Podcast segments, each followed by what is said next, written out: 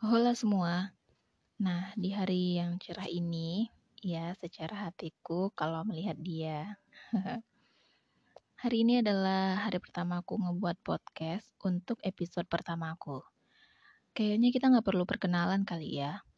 Jadi aku buat podcast itu karena aku memang suka menceritakan pengalaman pribadi aku dalam bentuk tulisan.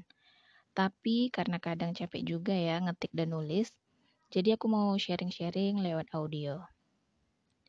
Untuk podcast yang akan aku buat ke depannya bukan hanya menceritakan pengalaman pribadi, tapi juga berdasarkan pengalaman-pengalaman orang yang aku kenal yang memiliki nilai-nilai kehidupan, motivasi, kenangan, dan lain sebagainya. Nah, untuk episode kali ini aku mau sharing-sharing sedikit tentang pengalaman seseorang waktu SMP yang katanya ini pengalaman mengenai cinta pada masa SMP. Nah, buat orang yang akan aku sharing pengalamannya ini, ini udah dapat izin dari dia untuk menceritakan pengalamannya.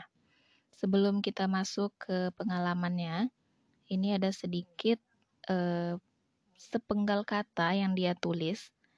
Kayaknya sebuah puisi, tapi enggak juga dia bersajak. Nah, isinya seperti ini. Terkadang rindu tidak semudah yang dibayangkan.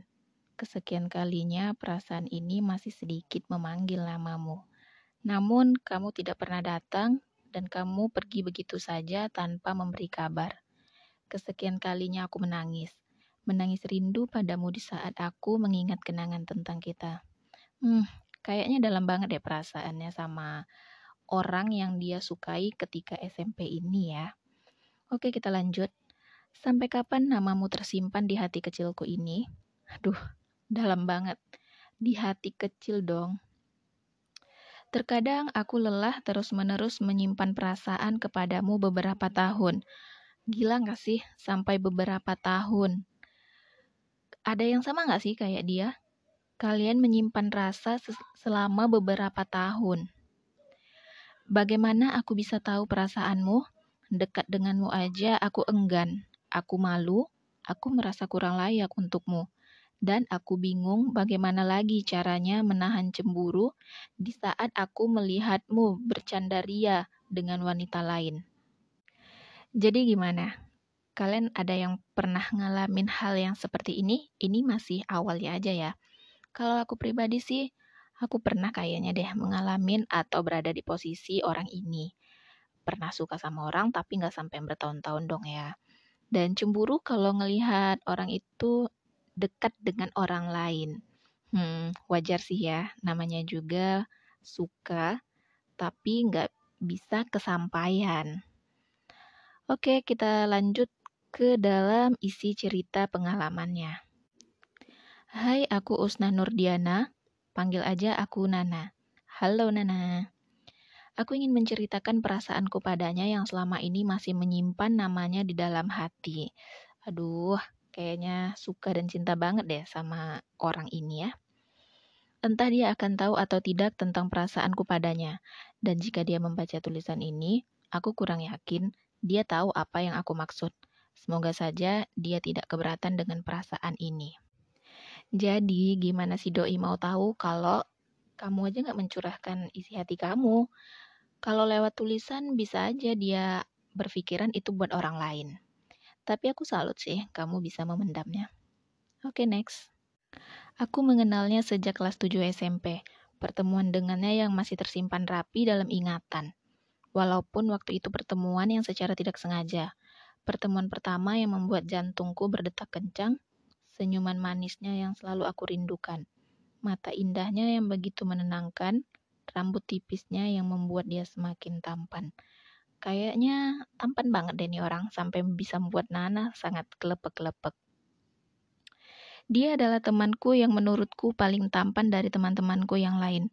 Dia adalah penyemangatku untuk berangkat ke sekolah. Aduh, emang bener ya, kalau ada seseorang yang nyemangati kita di sekolah tuh, apa pun rintangan di sekolah bakal dilewati. Meskipun niat sekolah itu hanya untuk jumpai doi ya. Dia juga orang yang membuatku bahagia selama masa SMP. Hmm, bahagia dalam apa ini? Dia lelaki yang selalu aku sebut dengan sebutan panda. Wow, panda. Lucu dong. Iya, panda. Kenapa aku menyebutnya panda? Karena dia itu lucu dan menggemaskan seperti panda. Sikapnya yang hangat dan baik hati sudah sangat layak kupanggil panda. Aku sering bersikap cuek dan menganggapnya tidak ada di sekitarku hanya untuk menyembunyikan perasaanku. Aku juga sering bersikap bodoh hanya untuk bersikap bodoh amat di dekatnya agar tidak selalu terlihat jika aku menyimpan rasa padanya. Penyesalan terbesarku padanya hanya satu. Aku menyesal telah bersikap yang tidak sengaja membuatnya sakit hati dengan perkataan ataupun perbuatanku. Terkadang juga aku tidak sengaja memarahinya, walaupun aku tahu itu semua salahnya sendiri. Dan aku bertanya pada sahabatku, apakah aku salah tadi memarahi dia seperti itu? Dan mereka bisa menjawab, kamu nggak salah. Kecuali kalau kamu salah, nah, kamu marah, itu maksud itu tidak masuk akal. Seberapa kuat mereka meyakinkanku jika aku tidak ada salahnya untuk berusaha menasehatinya walaupun sikapku saja yang salah. Namun tetap saja aku merasa jika aku yang salah telah berbuat begitu. Aku hanya bisa melihatnya dari kejauhan. Terkadang di saat dia berada di luar kelas, aku duduk di teras kelas maupun berdiri di dekat pintu hanya untuk melihatnya secara diam-diam. Aku juga sering memujinya di depan sahabatku, sedangkan mereka yang mendengar curhatanku hanya berkata, apa nggak bosan hanya memuji dia terus? Dan aku akan menjawab, mana mungkin aku bosan. Mereka hanya pasrah mendengar jawabanku yang selalu begitu. Kita pernah dalam satu ekstrakurikuler, ekstrakurikuler yang sama dan aku sangat menyukai ekskul tersebut karena ada dia. Namun seiring berjalannya waktu, dia jarang hadir dan seolah bersikap bodoh amat pada ekskul itu. Aku tidak tahu, dia hanya mengikuti satu ekskul, tetapi dia mengikuti lebih dari satu ekskul, hingga pada akhirnya dia mengundurkan diri dari ekskul yang sama denganku. Waktu itu perasaanku sedih karena dia keluar dari ekskul. Tetapi aku mengerti jika keputusan itu terbaik untuknya agar dia tidak kelelahan karena mengikuti lebih dari satu ekskul. Aku sangat merindukan dia menggunakan seragam pramuka yang lengkap. Dia terlihat sangat tampan dan gagah. Setiap kali aku melihatnya menggunakan seragam pramuka, aku selalu memujinya dalam hati. Namun sekarang aku tidak melihatnya mengenakan seragam itu lagi, karena kita sudah beda sekolah. Terima kasih untuk kenangan indahnya waktu SMP, aku tidak akan melupakannya. Dia lelaki yang aku suka dan dia juga lelaki yang membuatku untuk selalu berubah menjadi lebih baik untuk mengikuti sikapnya yang baik dan lembut. Tetapi tenang saja, Perasaan ini mulai memudar dan jika kita bertemu kembali, aku sudah berubah menjadi diriku yang lain.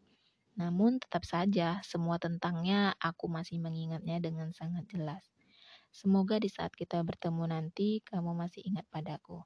Sang Panda Pramuka. Nah, itu dia sepenggal cerita dari Nana.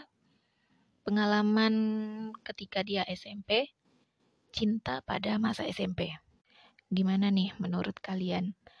Kalian pernah berada di posisi Dana ketika SMP menyukai seseorang yang katanya seseorang ini sangat tampan yang bisa membuat dia semangat untuk berangkat ke sekolah, bisa semangat dan memberi bahagia di hari-hari di masa-masa SMP-nya. Kalau aku pribadi sih ya, seperti yang udah aku jelaskan tadi, aku pernah mengalaminya. Tapi nggak sampai yang kayak Nana ini. Dan menurut aku gak harus melakukan hal-hal bodoh gitu hanya untuk mendapatkan perhatian. Ya kalau memang contohnya dia salah, kenapa harus menyalahkan diri sendiri? Wajar dong kalau kita memarahi orang yang salah tanpa harus menyalahkan diri kita kembali. Nah, buat kalian yang sedang atau yang lagi duduk di bangku SMP dan sedang merasa suka sama seseorang, lebih baik kalian utarakan aja daripada kalian menyesal nantinya.